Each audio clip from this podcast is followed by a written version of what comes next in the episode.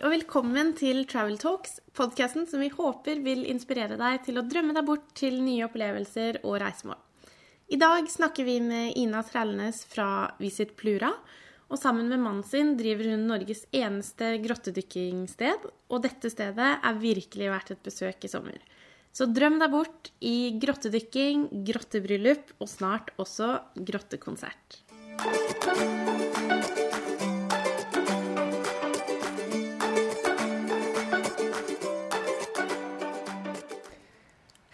I dag så snakker jeg og Kristine med Ina Trellnes.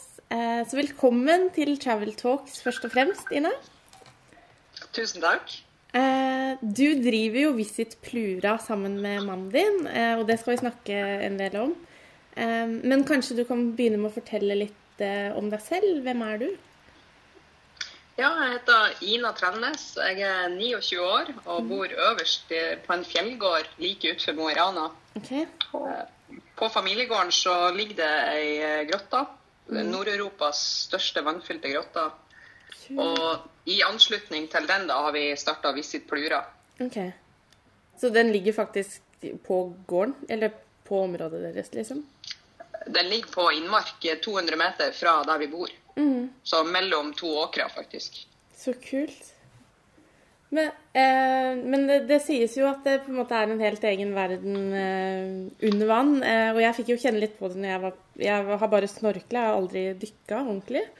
Mm. Men jeg var på Fiji og snorkla, og, og, følte jo at jeg svømte i et akvarium. Eh, men, eh, men, for alle som på en måte ikke kan så mye om dykking, hvordan, hvordan fungerer det? Kan du ikke fortelle litt om på en måte hva, hva er det dere gjør når dere når dere dykker, og hvordan er det å dykke i, i det her grotte, i grotteverden, da, for å si det sånn? Det, som du ser på Fiji, så er det kanskje litt som å være i et akvarium, bare mm. snorkling. Eh, mm. Forskjellen med når at du faktisk har på deg dykkeutstyr og har luft under vann og eh, du er helt vektløs, mm. så er du på en måte en del av akvariumet. Du ja. ser ikke bare på det, du er faktisk en del av det. Ja. Eh, det med grotte er mer som, som eh, utforskning. Eh, litt som hvis du tenker på i vanlige grotter i fjell. Eh, det er mm. veldig mange som har vært og besøkt grotter, og, og Rana er jo eh, ansett som grottekommune. da. Okay. Vi har en 280 grotter i kommunen, bare innenfor kommunegrensen. Sånn at uh, Jeg slår et slag for at vi skal bli the cave capital of Scandinavia. Ja. Så når, når, du, når, du, tar på deg dykkeutstyret og drar under vann og inn gjennom fjellet, Mm. Så er det egentlig som, som, det nærmeste du kommer å være i verdensrommet, sånn som jeg ser det. Mm. Uh, for du, du, er vektløs, du er i et helt uh, annet miljø, og du får en helt annen opplevelse av naturen idet du er på en måte i ett med naturen uten å bli forstyrra av noe annet. Mm. Særlig i på en måte dagens jetset-liv, der du blir forstyrra av e-poster, og noen vil ha tak i deg hele tida, og det er bestandig noe du skulle ha sjekka på Facebook eller Instagram eller på en måte mm. for å keep up. Mm. Mens under vann så er du faktisk Det er bare du og buddyen din og naturen i lag mm. uh, som gir en helt annerledes opplevelse. Det høres helt fantastisk ut. Ja.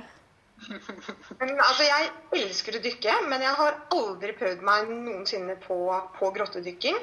Så både for meg selv og kanskje andre dykkere som ikke er så kjent med akkurat grotter, så hadde det vært utrolig moro å høre litt om si hva som kreves teknisk sett for å nettopp dykke hos dere og i grotter generelt? Hva slags sertifikat kreves?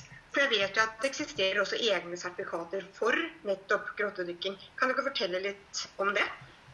Jo, jeg tror En av grunnene til at uh, veldig mange ikke har prøvd grottedykking, er at det ikke er så veldig lett tilgjengelig. Sånn, mm. Generelt sett uh, så, så, må du på, på remote plasser for å finne grotten. Mm. Uh, og gjerne eh, krever det veldig mye, mye, effort fra de egen side for at du i det hele tatt kommer til det punktet der du kan dykke. Mm. Uh, det vi ønsker å gjøre, er å bygge grottemiljøet i Norge og i verden. Og vi ønsker på en måte ta en posisjon i, i det markedet mm.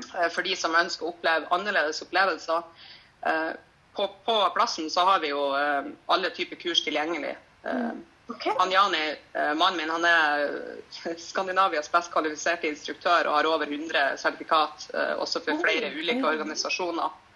Han er også instructor trainer opp til høyeste nivå, sånn at du kan mm. faktisk komme hit og gjøre alle mulige kurs, ikke bare grottedykkerkurs. Mm. Men hvis vi skal ta grottedykking spesifikt, da, så er det jo det første steget i grottedykkeverdenen er jo cavern Og det har jo, som du sier, både PADI, SSI, altså mange av de store.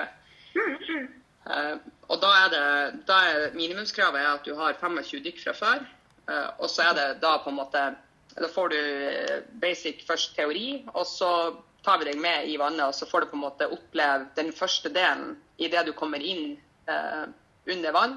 Mm. Og inn i grottesystemet, men du fremdeles ser dagslys. da. Okay. Sånn hvor lang eh, tid tar en Altså, hva, hva, er tidsperspektivet på hvor lang tid tar det å ta det kurset? på en måte? Camel-kurset tar to og en halv dag, så ja. det, det, er fem dykk. Okay. Så det er ganske mye teori på forhånd, da, i og med at det er en helt annen type dykking. Eh, mm. Du har helt andre ting du må tenke på, og en av de tingene vi fokuserer veldig på, er jo sikkerhet. Mm. Jeg tror også En av grunnene til at veldig mange er bekymret og redd for grottedykking, er pga. for lite kunnskap. Sånn at Det vi har mm. ønska å gjort, er å, å øke kunnskapen i, i, eh, både i allmennheten om hva det her egentlig dreier seg om, og det å løfte at det er ikke det er ikke adrenalinrush som på en måte gjør at man går inn i grottedykking. Eh, okay. Idet du får adrenalin, så er det noe som har gått galt. så det er, mer, det er, en mye mer fredfylt opplevelse enn det folk tror. da. Men jeg tror det er pga. mye av det macho, den macho-biten da, med tungt utstyr og på en måte det, det, skal litt til å gjøre det. I hvert fall er det sånn det virker. Mm. Men sånn som, nå har vi jo jenter som kommer oppover eh, sånn fire i lag og kommer og dykker fordi at logistikken er så enkel. Du kan bo 200 meter fra grotta, og så kjører vi deg helt fram til grotteinngangen. Eh, og så er alt i orden. Vi tar oss av luftfylling, og vi, vi bærer utstyr hvis det er behov for det. Mm. Å, så herlig. Så hos dere kan man rett og slett få alt? Ja, Hele korrekt. Pakka, ja. Nei, så herlig. Så moro å høre. Eh, men dere har jo blitt en Du sa jo litt om det òg, at dere vil på en måte være en, eh, være en stor aktør både i Norge og i, i verden.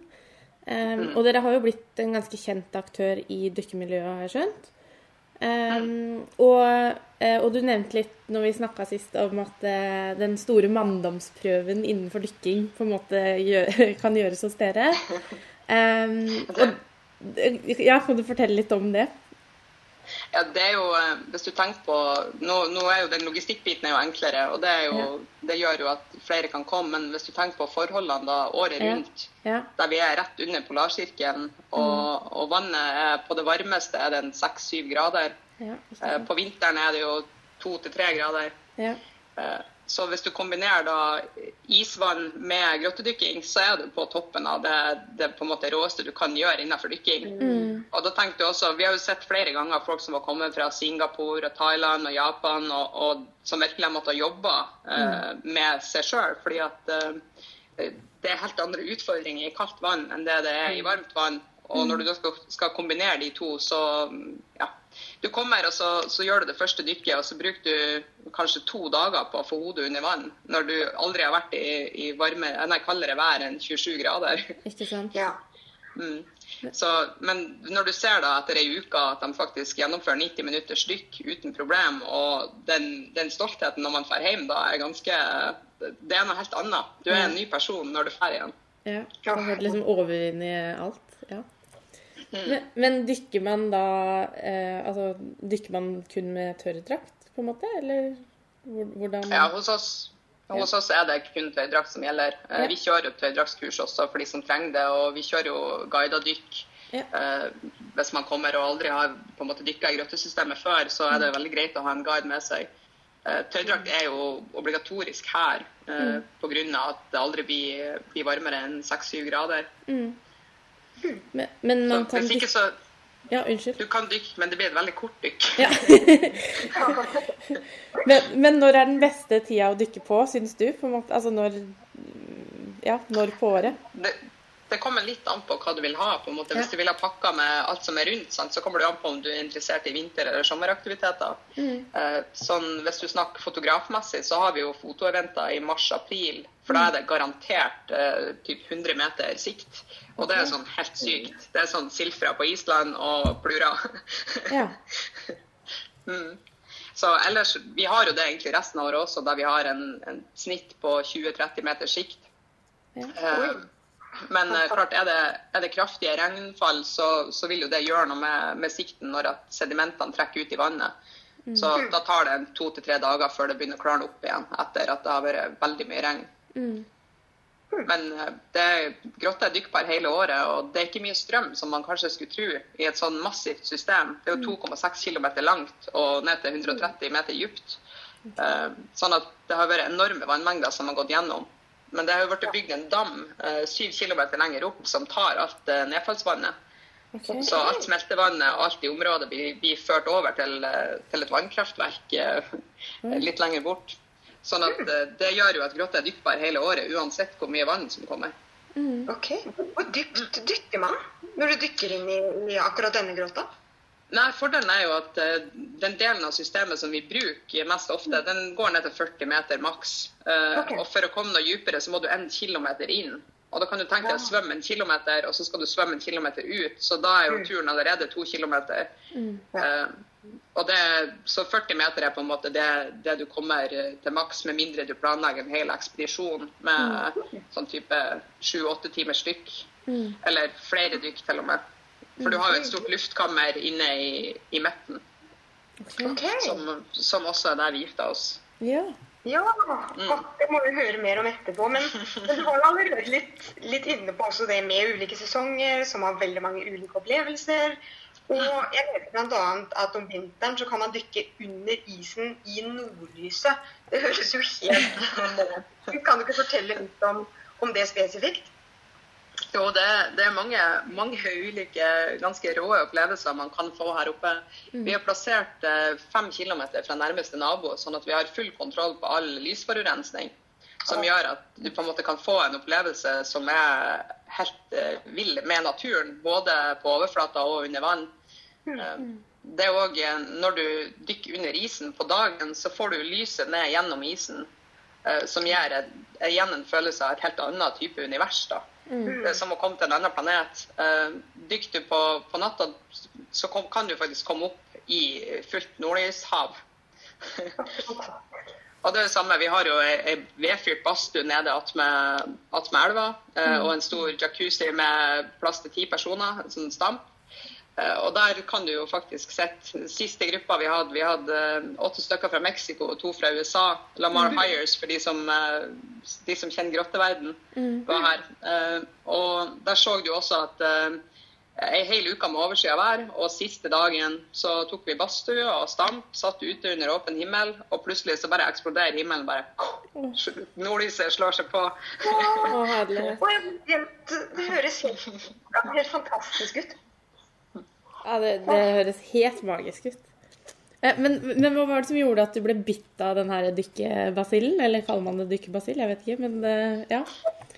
Eh, jo, det kan man kalle det. Jeg har bestandig vært glad i å reise. Så, så, jeg har reist egentlig fra jeg var 16 år. Jeg tok utdannelse som sykepleier okay. etter hvert. Og etter hvert som jeg begynte å tjene penger, så satte jeg av penger til å reise. Ja. Og i og med at sykepleien er yrket der du faktisk har muligheten til å jobbe når du ønsker det, fordi mm. det er så stort behov, mm. så kunne jeg også jobbe uten å ta fast stilling og så bare reise når jeg hadde lyst. Mm. Så jobba jeg når andre hadde lyst på fri, og så reiste jeg når, at, uh, når at andre hadde lyst til å jobbe. Uh, og det som skjedde, var jo at uh, når at jeg var hjemme, så kom jo verden til oss pga. grotta til og med før vi har starta noen bedrift rundt det, så var det jo veldig mange utenlandske dykkere som kom for å dykke i Plura. Okay. Eh, og det var jo der jeg møtte eh, mannen min. Jeg dykka jo ikke før jeg møtte han. Nei, er det sant? ja, det er sant. Oi. Så jeg starta å dykke i 2000 og Jeg møtte vel han i 16 Vi ble i lag i 16, og så begynte jeg å dykke i 2017. Okay. Så det viser jo på en måte læringskurven. Eh, og nå er jeg grottedykker og dykker i brider og uh, har på en måte nådd et ganske, ganske, høyt nivå på kort tid. Ja, det er jo helt rått. Mm, så det viser jo at det er mulig. Så det er både kvinne og, og grottedykker på to år. Ja. Men er det veldig, Du sa jo litt om det allerede, men er det utrolig mannsdominert akkurat den grottedelen av, av dykking? Generelt ja. er det jo kanskje en overvekt av menn, det ser jo bare jeg som ikke grottedykker, men, mm. men hvordan er det? Det er definitivt en overvekt av menn, men jeg tror at det, det er jo noe vi kan gjøre noe med. Eh, det, det, er vel rundt Vi har et anslag på 80-85 menn i grossdykking. Mm. Så det ser vi også på Hvis du ser på Instagram og på en måte de som er følgerne våre, så er vi er på sånn snart 90 menn. OK, interessant. Mm. Det er veldig interessant og veldig motsatt. Hæ? Det er veldig interessant og veldig motsatt, men vi ser jo flere og flere damer som faktisk kommer, og som ser at uh, Jeg tror også det er det her med logistikk, da. Det at når logistikken blir enklere og ting er tilgjengelig og lett tilgjengelig, så, så er det mye lettere. Og når kunnskapen på en måte kommer uh, Jeg tror kanskje det er flere menn som ikke konsekvensutreder så veldig mye før de gjør det. Mm. Men nå når kunnskapen er på plass, så kan man faktisk lære seg uh, de tingene man trenger for at det ikke skal være så mye risiko. da. Mm. Nei, men så kult. Det er fantastisk. Eh, vi, vi, må snakke litt om bryllupet deres eh, også, for det, dere gifta dere faktisk i denne grotta.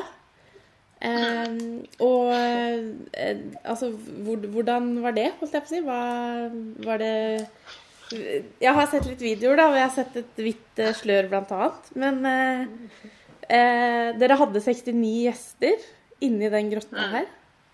Wow! Hvordan eh, Altså, fortell hvordan i alle dager Hva, hva skjedde? Det som, det, som, skjedde, det som skjedde Det som skjedde, var jo at uh, vi er jo begge to grøttedykkere. Mm. Uh, jeg kommer fra det her er familiegården. Jordbru, mm. som er rett ved Pluragrotta, er, er, familiegården. Så vi er sjette generasjon på gården. Mm. Så jeg ønska jo å ha bryllupet på gården i utgangspunktet, mm. uansett. Mm. Og i og med at vi har et stort nettverk av masse felles venner som er grottedykkere, så fant vi ut at kanskje vi skulle prøve å gifte oss inne i grotta. Mm. Det, mer, det starta mer som en, en, slags spøk, og så uh, eh, utvikla det seg. For det, det, viste seg jo etter hvert når vi begynte å gjøre litt research, at det var jo absolutt mulig. Ja. Uh, men det vi ikke visste Vi, jo, vi bor jo øverst en fjell, på en fjellgård som igjen gjør at vi har litt begrensa med bl.a. mobildekning. Uh, vi har mm. ikke nødnett. Vi har mm. ikke vi har grusvei opp de siste fem kilometerne, og vi hadde ikke internett Nei. i utgangspunktet før det bryllupet. Eh, så det var en annen type logistikk rundt, eh, rundt, det, bare for å få støtte opp internett, sånn at vi mm. kunne få trukket inn en fiberkabel inn, sånn at resten av familien kunne få lov til å se bryllupet hvis vi skulle gifte oss der. Det var litt sånn obligatorisk at hun bestemor skulle få lov til å være en del av det, hun også. Ja, ja. mm. Så det, det, som skjedde, var jo at egentlig så tenkte vi å, å ha et uh, ganske lite bryllup der inne og så bare streame det ut. Uh, men etter hvert som vi, vi, begynte å snakke om det, så var det jo flere og flere som hadde lyst til å være med. Uh, og vi fant ut at da kunne vi like liksom godt gjøre det skikkelig. Så vi fikk satt opp et 300 kvadratmeter stort partytelt ute på gården. Og så satte vi opp storskjermer der inne og da ble alt livestreama ut til det storteltet, sånn at hele familien og alle vennene som ikke dykker, kunne få lov til å være en del av det også. Mm. Det er jo helt fantastisk. Men de, for de ja. som var med eh, De som var min, de brukte undervannsscooter. Jeg visste ikke at det fantes engang. Men, eh, men, men hva det, det, er en slags motor som drar deg framover, på en måte? Ja, vi brukte Seacraft DPV, som er altså de, um, ja, som er undervannsskuter, det er som en, en uh, motor på, som, som drar deg under vann. Mm. Uh, vi hadde, De fleste av gjestene hadde med seg scootere, og så fikk vi leid noen uh, og fikk tilsendt noen fra, fra fabrikken, faktisk. Okay. For at de som kom tilreisende langt fra, skulle, skulle ha også. Ja. Det, men det, er òg en helt fantastisk opplevelse. Og, og scooter under vann. Ja. Særlig når du har store passasjer som Plura er jo rundt 30 meter brei og 10 meter høy på, en måte på, mm. på det jevne. Så du har jo god plass. Eh, og når du da har undervannsscooter som du, du, på en måte bare henger under, og så klipser du den fast i, i eh, en sånn dering i et belte, på en måte. Mm. Og så scooter du i vei. og det er som å være, det er som å være i et TV-spill.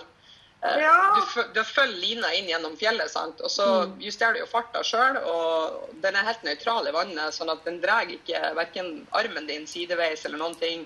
Og du, du får liksom akkurat dit du vil i høy fart. så, ja, det høres helt kult ut. Men, eh, og dere hadde jo òg eh, Dere hadde livemusikk eh, inn, inni den eh, Altså, ja, inni den her grotta? Ja, jeg må bare si det. Den eh, trompetisten, den Kari Silén, Ja. eh, noe så fantastisk. Kan du tenke deg å dykke gjennom eh, jeg tror det var seks grader kaldt vann Med en inn, i et, ja, inn i et rom i fjellet der det er fem, fem grader. Ja. eh, der du, du blir ganske kald både på hender og, og Ja. dine hovner opp. Og Ja, ja. Når, du da skal, når du da skal spille trompet live til en livestream på YouTube, og Ja. hele familien ute, og alle de 69 inne i det kammeret Jeg syns han var råflink. Men for å få inn det er helt sikkert. For å få inn den trompeten, så brukte vi en tørrboks. Jeg fikk ikke vite før etterpå at den eh, trompeten kosta sånn typ 100 000. Oi. Ja. Ja. Det, ja. Men, men det gikk bra? Den overlevde?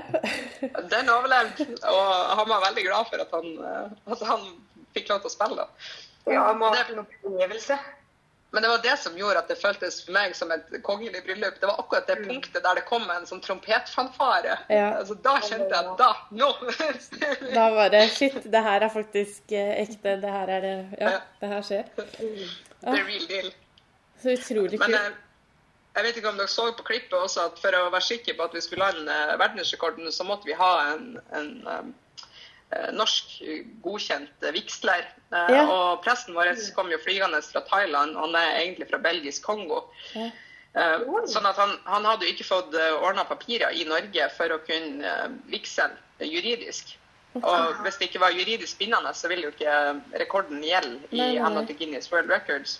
Sånn at det vi gjorde, var jo å få ordføreren opp. Eh, Og så, så dykka vi inn telefonledning inn i fjellet. Det er jo en halv kilometer inn til der vi gifta oss. Ja. Dykka inn telefonledning hele veien, og så dykka vi inn eh, militær, militærtelefoner. Ja. Finske militærtelefoner. Uh, og så ringte vi, og så ringte vi ordføreren da. Han sto ute, og vi sto inne, og så ringte vi da med de tel- militærtelefonene. Og så tok han vielsen da en runde til over telefon for å være sikker på at vi faktisk var gift i grotta juridisk. Det, det er helt fantastisk. Eh, ja. Det, det, det må jo være Altså, de fleste husker vel bryllupet sitt eh, Altså et normalt bryllup, men jeg vil jo tro at det her Det overgår vel kanskje alle andre alle andre sine bryllup. Jeg tror Det beste er jo at alle gjestene blir lyst til bryllupet også. Ja. Men, men er det her noe andre faktisk kan gjøre òg, som besøker dere? Altså, kan man, kan man booke et bryllup i en grotte? Jeg tror du må ha stor pengebok da. Ja. Det, det er mulig, men det er mulig, men det, det krever enormt mye forberedelser for å få det til. Og Ja. Med alle de vi, altså, Jeg må bare sende en takk til alle de som hjelper oss, for vi hadde sikkert 200 frivillige i sving på det meste. For å klare å komme av med hele logistikken. Og vi hadde Ja. jo mange i det, i det lokale næringslivet som også faktisk bidro. Både Kunnskapsparken og Ja.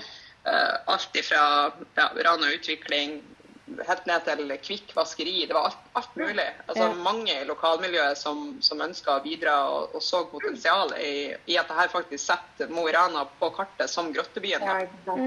Men så fantastisk også med et sånt samhold mellom alle som bor der, for å sammen skape noe sånt som det. Og kanskje også det samholdet reflekteres i turistnæringen som helhet, når dere faktisk bygger opp dette her som en destinasjon.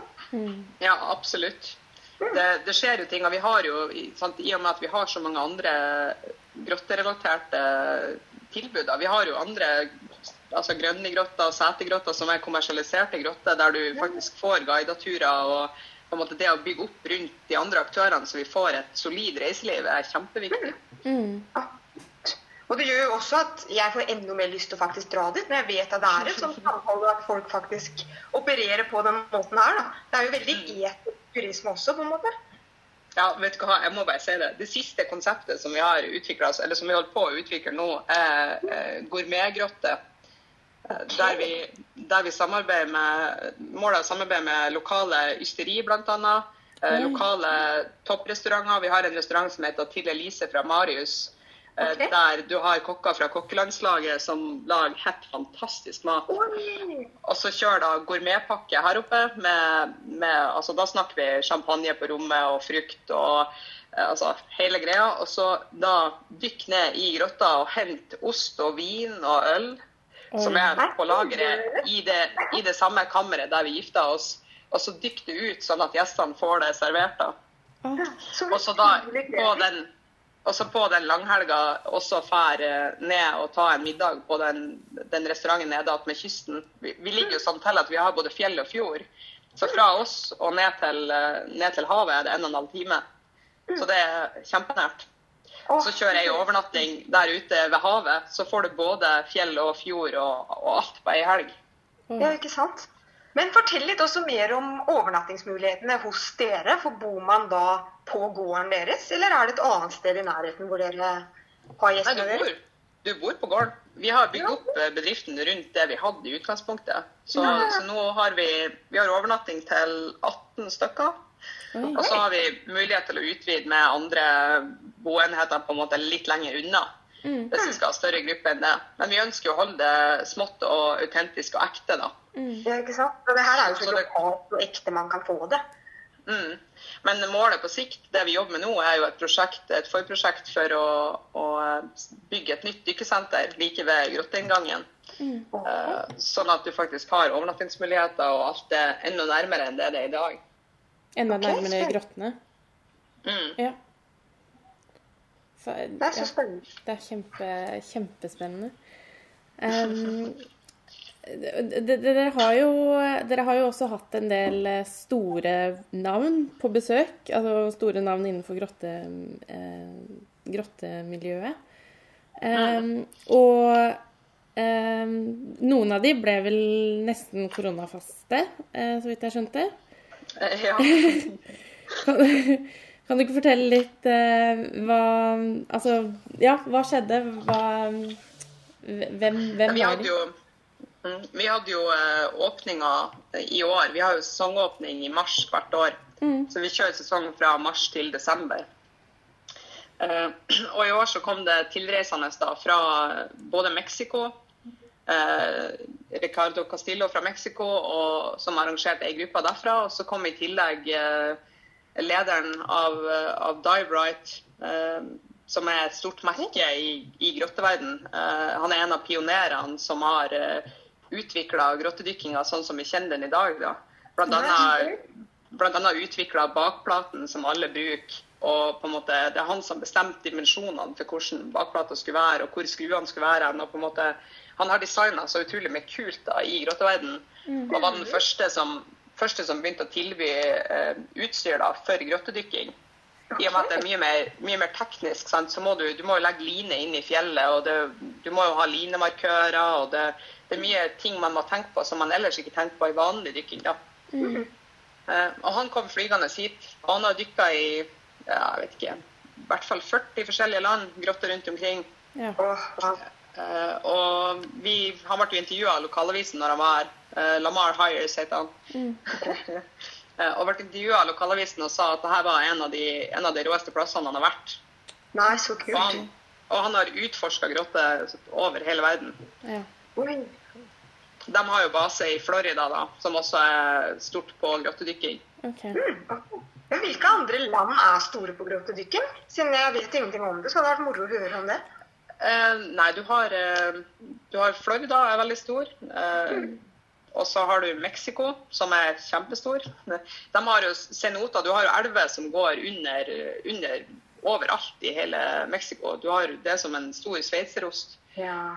Eh, og rundt Tulum-området der eh, er det enormt mye grotter. Og så kult. Veldig, veldig yndet destinasjon for grottedykkere. Ellers er det jo Frankrike. Sør i Frankrike, i Lot-regionen, er det masse grotter. Eh, vi skulle egentlig ha vært nå, eh, bare for to uker siden, skulle vi ha vært i Russland, eh, i Orda. I grotta som er midt i ingenmannsland, men helt fantastisk. Som da er gipsgrotta. Okay. Ok. Ellers er det jo både, både grotte og gruve på en måte Grotter under eh, Budapest, under byen, i sentrum. Oi. Så man kan Attmed spa. Mm. OK, spennende. Altså det, det er jo ganske mye grotter, egentlig. Og vi ser jo Det blir jo mer og mer populært, egentlig. Mm. Det tar seg opp. Mm. Så kult. Men dere planlegger jo også nå en ny verdensrekord, hvis jeg har forstått det riktig. Kan du ikke fortelle litt også om det, og hva dere planlegger denne gangen? Er det noe like storslått? Ja, eh, vi, vi kom jo på tanken her for en stund siden at uh, egentlig skulle vi hatt konsert i Grotta. Ja. Så det vi jobber med nå, det er bare shout-out til alle som hører på. Hvis det er noen som vet om noen dykkere som er også artister, så må de gjerne ta kontakt med oss. Å oh, ja! Skulle egentlig, egentlig skulle vi holde konserten i år. Uh, så vi har en plan om å kjøre anniversary dive hvert år, sånn at uh, gubben skal huske på bursdagen. Så da, da, er målet å lage en event rundt det da, hvert år. Og så samle familie og venner og, og gjøre noe ut av det. Og nå, neste, neste, arrangement er konsert i Grotta. Der vi prøver å samarbeide med også lokale aktører som, som er gode på, på, akkurat det å holde konsert. Mm. Så kult. Så igjen bare det å bygge hverandre opp, og bygge opp andre aktører i både reiselivsbransjen og andre bransjer for den saks skyld. Jeg, jeg elsker at dere faktisk fokuserer på det. Mm. Det er jo nøkkelen for at både vi skal ha det bra og at gjestene skal ha det bra, er at ja. man på en måte gir det beste man har å by på. Og jeg er sikker på at man blir mye bedre av å spille hverandre god. Mm, mm, absolutt. Helt enig. Eh, dere har jo også noen fotosessions. Eh, du nevnte jo det litt i stad, kanskje. Men, men, eh, eh, men, hvordan foregår det? Altså, hva, hva, er forskjellen på å ha en vanlig en fotosession i en grotte og, eh, og utenfor en grotte? Mm en av de store fordelene eh, som også er kanskje det som er vanskeligst, da, mm. er det med lysforhold. Det at Inne i grotta så er det ikke noe naturlig lys. Nei. Eh, men på den andre sida så gjør jo det at du faktisk kan lyssette akkurat de delene av grotta som du ønsker å vise fram. Ja. Eh, du kan på en måte du kan iscenesette alt med bruk av natur og det lyset du har. da. Mm. Så det blir, det blir, helt fantastiske bilder. Mm. Vi har jo bl.a. Pekka Tori, eh, en kjent undervannsfotograf som har kommet hit hvert år og holdt eh, fotoworkshops i april. Okay. Da, og da er det jo på en måte, da er det jo påskeværet. Sant? Da har du jo sol på overflata, det er begynt å bli mildt i været, og så har du mm. bare fantastisk sikt under vann. Og i tillegg så har du mulighetene for nordlys enda, da det ikke nå er vi kommet så langt ut på året at nå er det jo midnattssol, og da ja. ser du jo ikke nordlyset på samme måten. Nei. Mm. Men da med tanke på kamerautstyr, eh, er det da undervannskameraer vi snakker nå, eller kan man faktisk transportere i en tørrboks annet kamerautstyr og bruke det i grotta? Hvordan, hvordan gjør dere med tanke på de tinga her? Nei, vi bruker undervannskamera. Eh, ja. Både altså vi tar jo opp også Når vi holder kurs, så filmer vi jo studentene, så de får se, sånn at man får muligheten til å få feedback på hva man, hva man gjør eh, på en måte bra, og hva man kanskje kan forbedre. Mm. Eh, det, å, det, å, kunne se seg sjøl på film er jo en stor fordel, for da, da skjønner du bedre enn bare hvis noen forteller deg det. Mm. Uh, I tillegg så har vi jo, når vi har fotografer her, så har jo de store, store, altså, store kamerahus som er laga for å være under vann. Ja. ja. Mm. Spennende. Men sånn med tanke på utstyr generelt også. Eh, altså Leie av utstyr, fylling av flasker, alt det kunne også dere gjøre, sant? Ja, vi har, eh, vi har alt fra dobbeltsett til eh, stager. Vi har eh, til og med utleier i bidra. Vi har, vi har, egentlig alt bortsett fra drakt. Det er det du må ta med deg sjøl. Okay, er godt Ja, men det er også fordi at draktene, når du dykker i kaldt vann, så er det, det tilpassa kroppen din. da, Sånn at du har plass til å ha uh, ullundertøy under og på en måte isolasjon som gjør at du klarer å holde deg varm. Mm. Men du har jo også sagt litt tidligere at dere nå utvikler en del andre konsepter som ikke bare er målretta mot dykkere, men også andre reisende. Både i form av parturer der det er en som dykker, en som ikke dykker, spa-konsepter osv. Kan du ikke også fortelle litt om det? For det er jo veldig gøy å faktisk ha muligheten til å gjøre noe mer enn dykking også. Mm.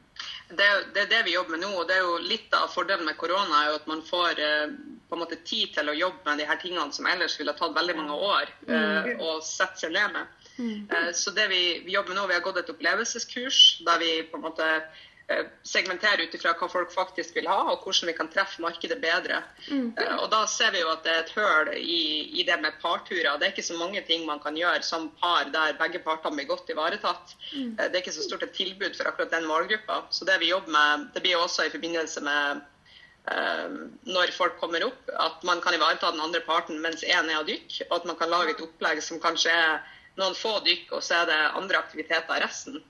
Eh, Dette vil bli lansert i løpet av de nærmeste to månedene, eh, når vi også kommer med ny nettside. Tøft. Så, så det, er bare, det er bare å følge med på visitflura.com. Ja, Ja, det skal vi gjøre. det blir kjempespennende, kjempespennende å se. Og det er jo sånn som du sier at eh, altså, ja, man får jo kanskje litt tid til å bare trekke seg litt tilbake og, og planlegge litt mer, da. Eh, nå. Mm. Ehm, men eh, eh, før, eh, eh, før vi avslutter, så har vi tre spørsmål som vi stiller til alle som er med i podkasten. Ok. Og da, det første spørsmålet er eh, rett og slett Hva er din favorittdestinasjon, og hvorfor? Ja, det var ikke et uh, enkelt spørsmål. Nei, det er lov å si flere, da. Hvis du Jeg tenker, Hvis jeg må velge én som er på lista mi akkurat nå, helt øverst, så er det nok uh, Budapest. OK. Der du har uh, alt samla på en plass. Du har en fantastisk storby. Du har mulighetene for spa, du har mulighetene for Altså, Hvis noen drar dit, det pinballmuseet der er helt fantastisk. Det høres ikke så kult ut, men det er helt sykt kult. Uh, Der du har sånn 150 flippermaskiner som er fullt funksjonable, og du betaler bare inngang på en hundrelapp, og så kan du spille så lenge du vil på alle mulige slags uh, maskiner. I tillegg så har du jo grotta som er under byen, som det er ikke så mange som vet om. Den heter Molnarianos. Så for meg da, som grottedykker, så kan jeg kombinere eh, alt på en tur. Eh, alt det vi ikke får her oppe, da. For hjemme får vi jo det med, med vill natur og det med, med ikke så mye folk og på en måte det å eh, det møtet med naturen. da. Mens når du drar til Budapest, så får du storby og god mat og alt det, alt det en storby skal ha, pluss Ja. grotte under byen. Så, så utrolig kult. Jeg visste faktisk ikke at, eh, at eh, Budapest hadde det å by på. Ehm, men hva er ditt beste reisetips? Mm. Mitt, jeg tror mitt beste reisetips er å ikke pakke for mye. Mm. Bare ikke, eh, ikke få panikk og ikke pakke for mye. For hvis du har med deg visakort og du har med deg passet ditt og bare basics, så klarer du deg eh, uansett. Mm. Sant. Det er veldig sant. Eh, Det er mye triveligere. ja. Og mye lettere å gå og bære på Ja. hvis du skal ut på tur. Um, er det noe du skulle ønske reisende gjorde mer av, og hvorfor?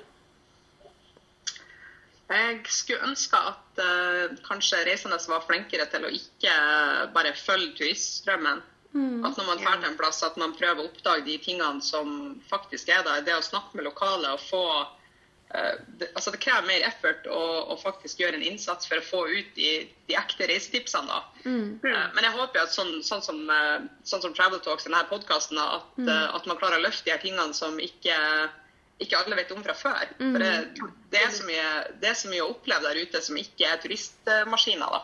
Definitivt. Og det er jo så Det er jo- spennende. Og altså, ja. Jeg, jeg visste ikke at vi hadde, hadde grottedykking i Norge før jeg hørte om deg. Um, og ja, det er, det, er, det er det å bare vise fram de litt mer unike tinga som gjør at uh, det er litt mer spennende. Men jeg ser jo også når man gjør de her litt andre spennende tingene, så knytter man kontakter også på en helt annen måte. Man får helt andre relasjoner. De folkene vi har møtt gjennom grottedykking rundt omkring i verden, eh, altså, det er jo helt fantastiske folk, og du møter dem eh, der de er da, i livet. Altså, det er ikke eh, ja, det er ikke iscenesatt, hvis det går an å si det sånn. Mm, det blir mer ekte. Mm. Mm. Utrolig kult eh, å ha deg med i podkasten vår, eh, Ina. Og tusen takk for at du ville dele så utrolig mye spennende med oss. Eh, det er en verden jeg kan veldig lite om under vann, men eh, jeg har lært veldig masse spennende. Eh, så tusen takk. Sjøl takk. Det var kjempeartig. Så bra.